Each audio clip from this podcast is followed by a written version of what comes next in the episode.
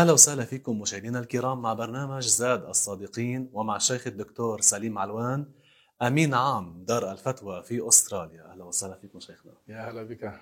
شيخنا كثير بتحكوا عن العلم وطلب العلم. هل أنا أديت العلم الواجب؟ هل أنا عم طبعه على حالي على غيري؟ شو بتنصحنا بداية بهالموضوع؟ بسم الله الرحمن الرحيم. الحمد لله ثم الحمد لله. الحمد لله الذي تتم بنعمته الصالحات وصلى الله وسلم على سيدي وحبيبي رسول الله وآله وصحبه ومن والاه. أسأل الله تعالى أن يكرمني وإياكم أحبابنا الكرام بالإخلاص. أما بعد بالنسبة لأمر العلم مهما قيل ومهما سيقال العلم علم الدين هو خير العلوم عند الله. له شرف عند الله تعالى عظيم. يكفي أن هذا العلم الشرعي هو ميراث الأنبياء. الأنبياء هم أفضل خلق الله.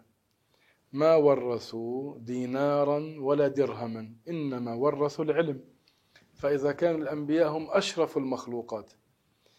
وما ورثوه هو العلم. فماذا يكون هذا العلم؟ العلم الديني. إذا العلم الديني هو أشرف العلوم عند الله تبارك وتعالى.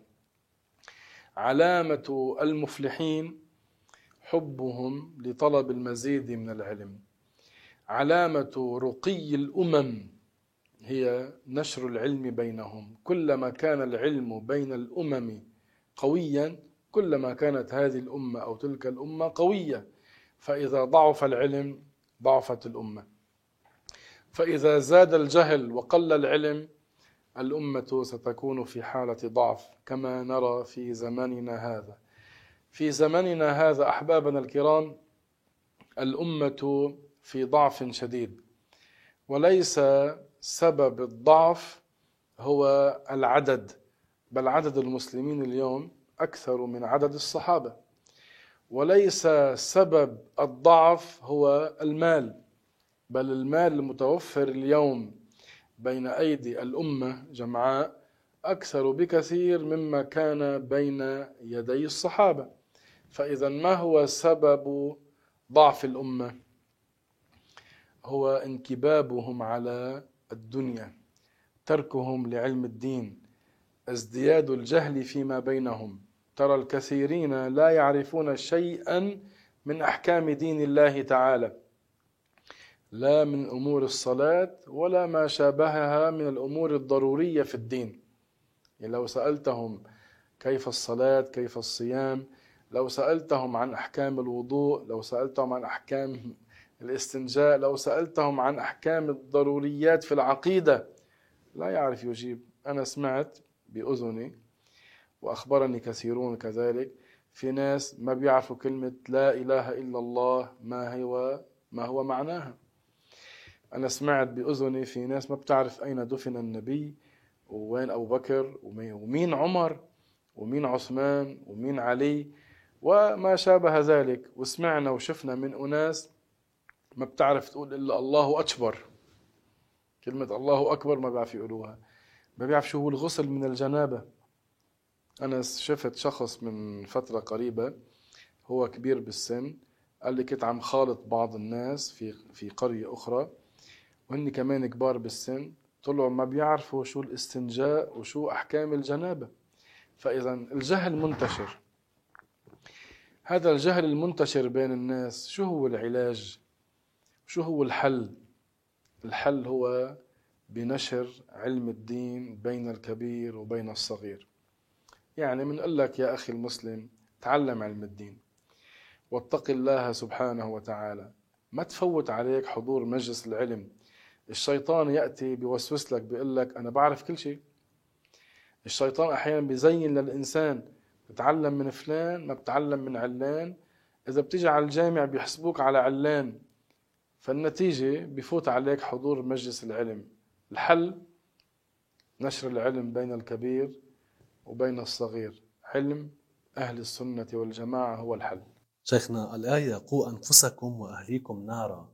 الوقاية هون كيف بتكون؟ كيف بنترجمها؟ قوا أنفسكم وأهليكم نارا. كما قال سيدنا علي رضي الله عنه الوقاية تكون بأن تعلموا أنفسكم وأهليكم الخير يعني علم الحلال والحرام. جاء هذا عن سيدنا علي رضي الله عنه في تفسير هذه الآية بإسناد قوي. يعني الحل هو بطلب العلم. كيف تحمي نفسك وأهلك زوجتك وأولادك من نار جهنم. كيف تقي نفسك وأهلك من نار جهنم؟ فقط بالتمني أم كما قال سيدنا علي رضي الله عنه بتعلم علم الدين. تعلم أنت وعلم أهلك وعلم أولادك الحلال والحرام ثم طبق العلم على نفسك وعلى أهلك. اعمل بالحلال واترك الحرام. هذا هو سبيل النجاة يوم القيامة. هذا هو الحل. كثير من الناس بيسألوا ما هو الحل؟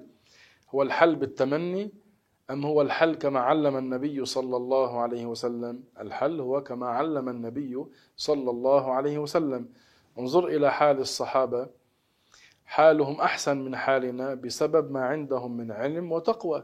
إذا الحل هو بالرجوع إلى طاعة الله بتعلم علم الدين وبالعمل بهذا العلم الشريف. فضيلة الشيخ إذا بدي أنا أسأل سؤال بالدين. بدي استفتي حدا من المشايخ كيف بقدر أعرف هذا الشيخ اللي عم يسأل وعم بيحكي بالدين صح أو غلط؟ وهل الحل باللجوء لمثلا تطبيقات أو ابلكيشنز أو صفحات موجودة على الإنترنت؟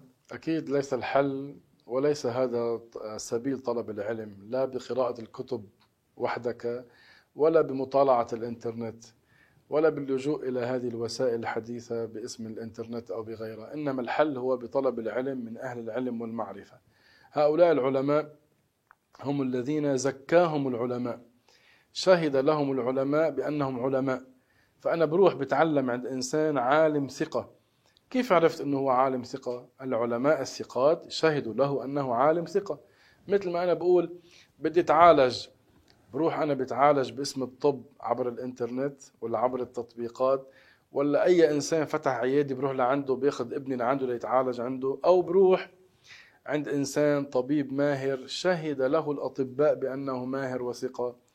كذلك في الهندسة كذلك في دراسة الإنجليزي وغيرها من اللغات وغيرها من المواد العصرية النافعة فمن باب أولى في علم الدين. العلماء شهدوا لفلان بأنه عالم ثقة يخاف الله. بروح بتعلم عنده بسأل. وما دام أنا تعلمت الأساسيات والضروريات من علم الدين ما بقى في حدا يضحك علي ويموه علي. أما لما أكون أنا ما عندي علم بالدين سهل.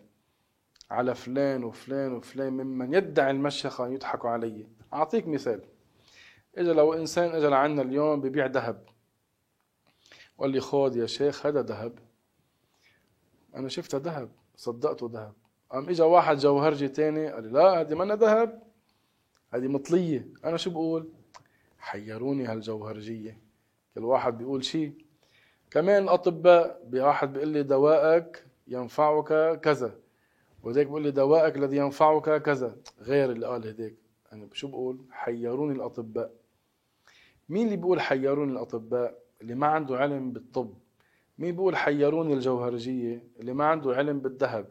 مين بيقول حيروني المشايخ؟ اللي ما عنده علم بالعلم اللي ما عنده علم بالدين. الجاهل اللي بيقول حيروني المشايخ أما المتعلم الدين بيقول حيروني؟ لا بيقول هذا قال حق وذاك خالف الحق. أما اللي منه متعلم دين شو بيقول؟ بيقول حيروني المشايخ. وهذه كلمة ما بتطلع إلا من إنسان منه متعلم. ويا ما صادع على ألسنة هؤلاء هؤلاء العوام شو بقول شلتها من دمتي وحطيتها بدمة الشيخ برقبة الشيخ. عم يعلموهم إياها لحتى يستسهلوا الوقوع فيما نهى الله سبحانه وتعالى. الله يعافينا. إذا شيخنا آه، ذكرتنا بكلام الشيخ عبد الله الهرري لما بيقول علم الدين حياة الإسلام. جزاه الله عنا خيرا. علم الدين حياة الإسلام.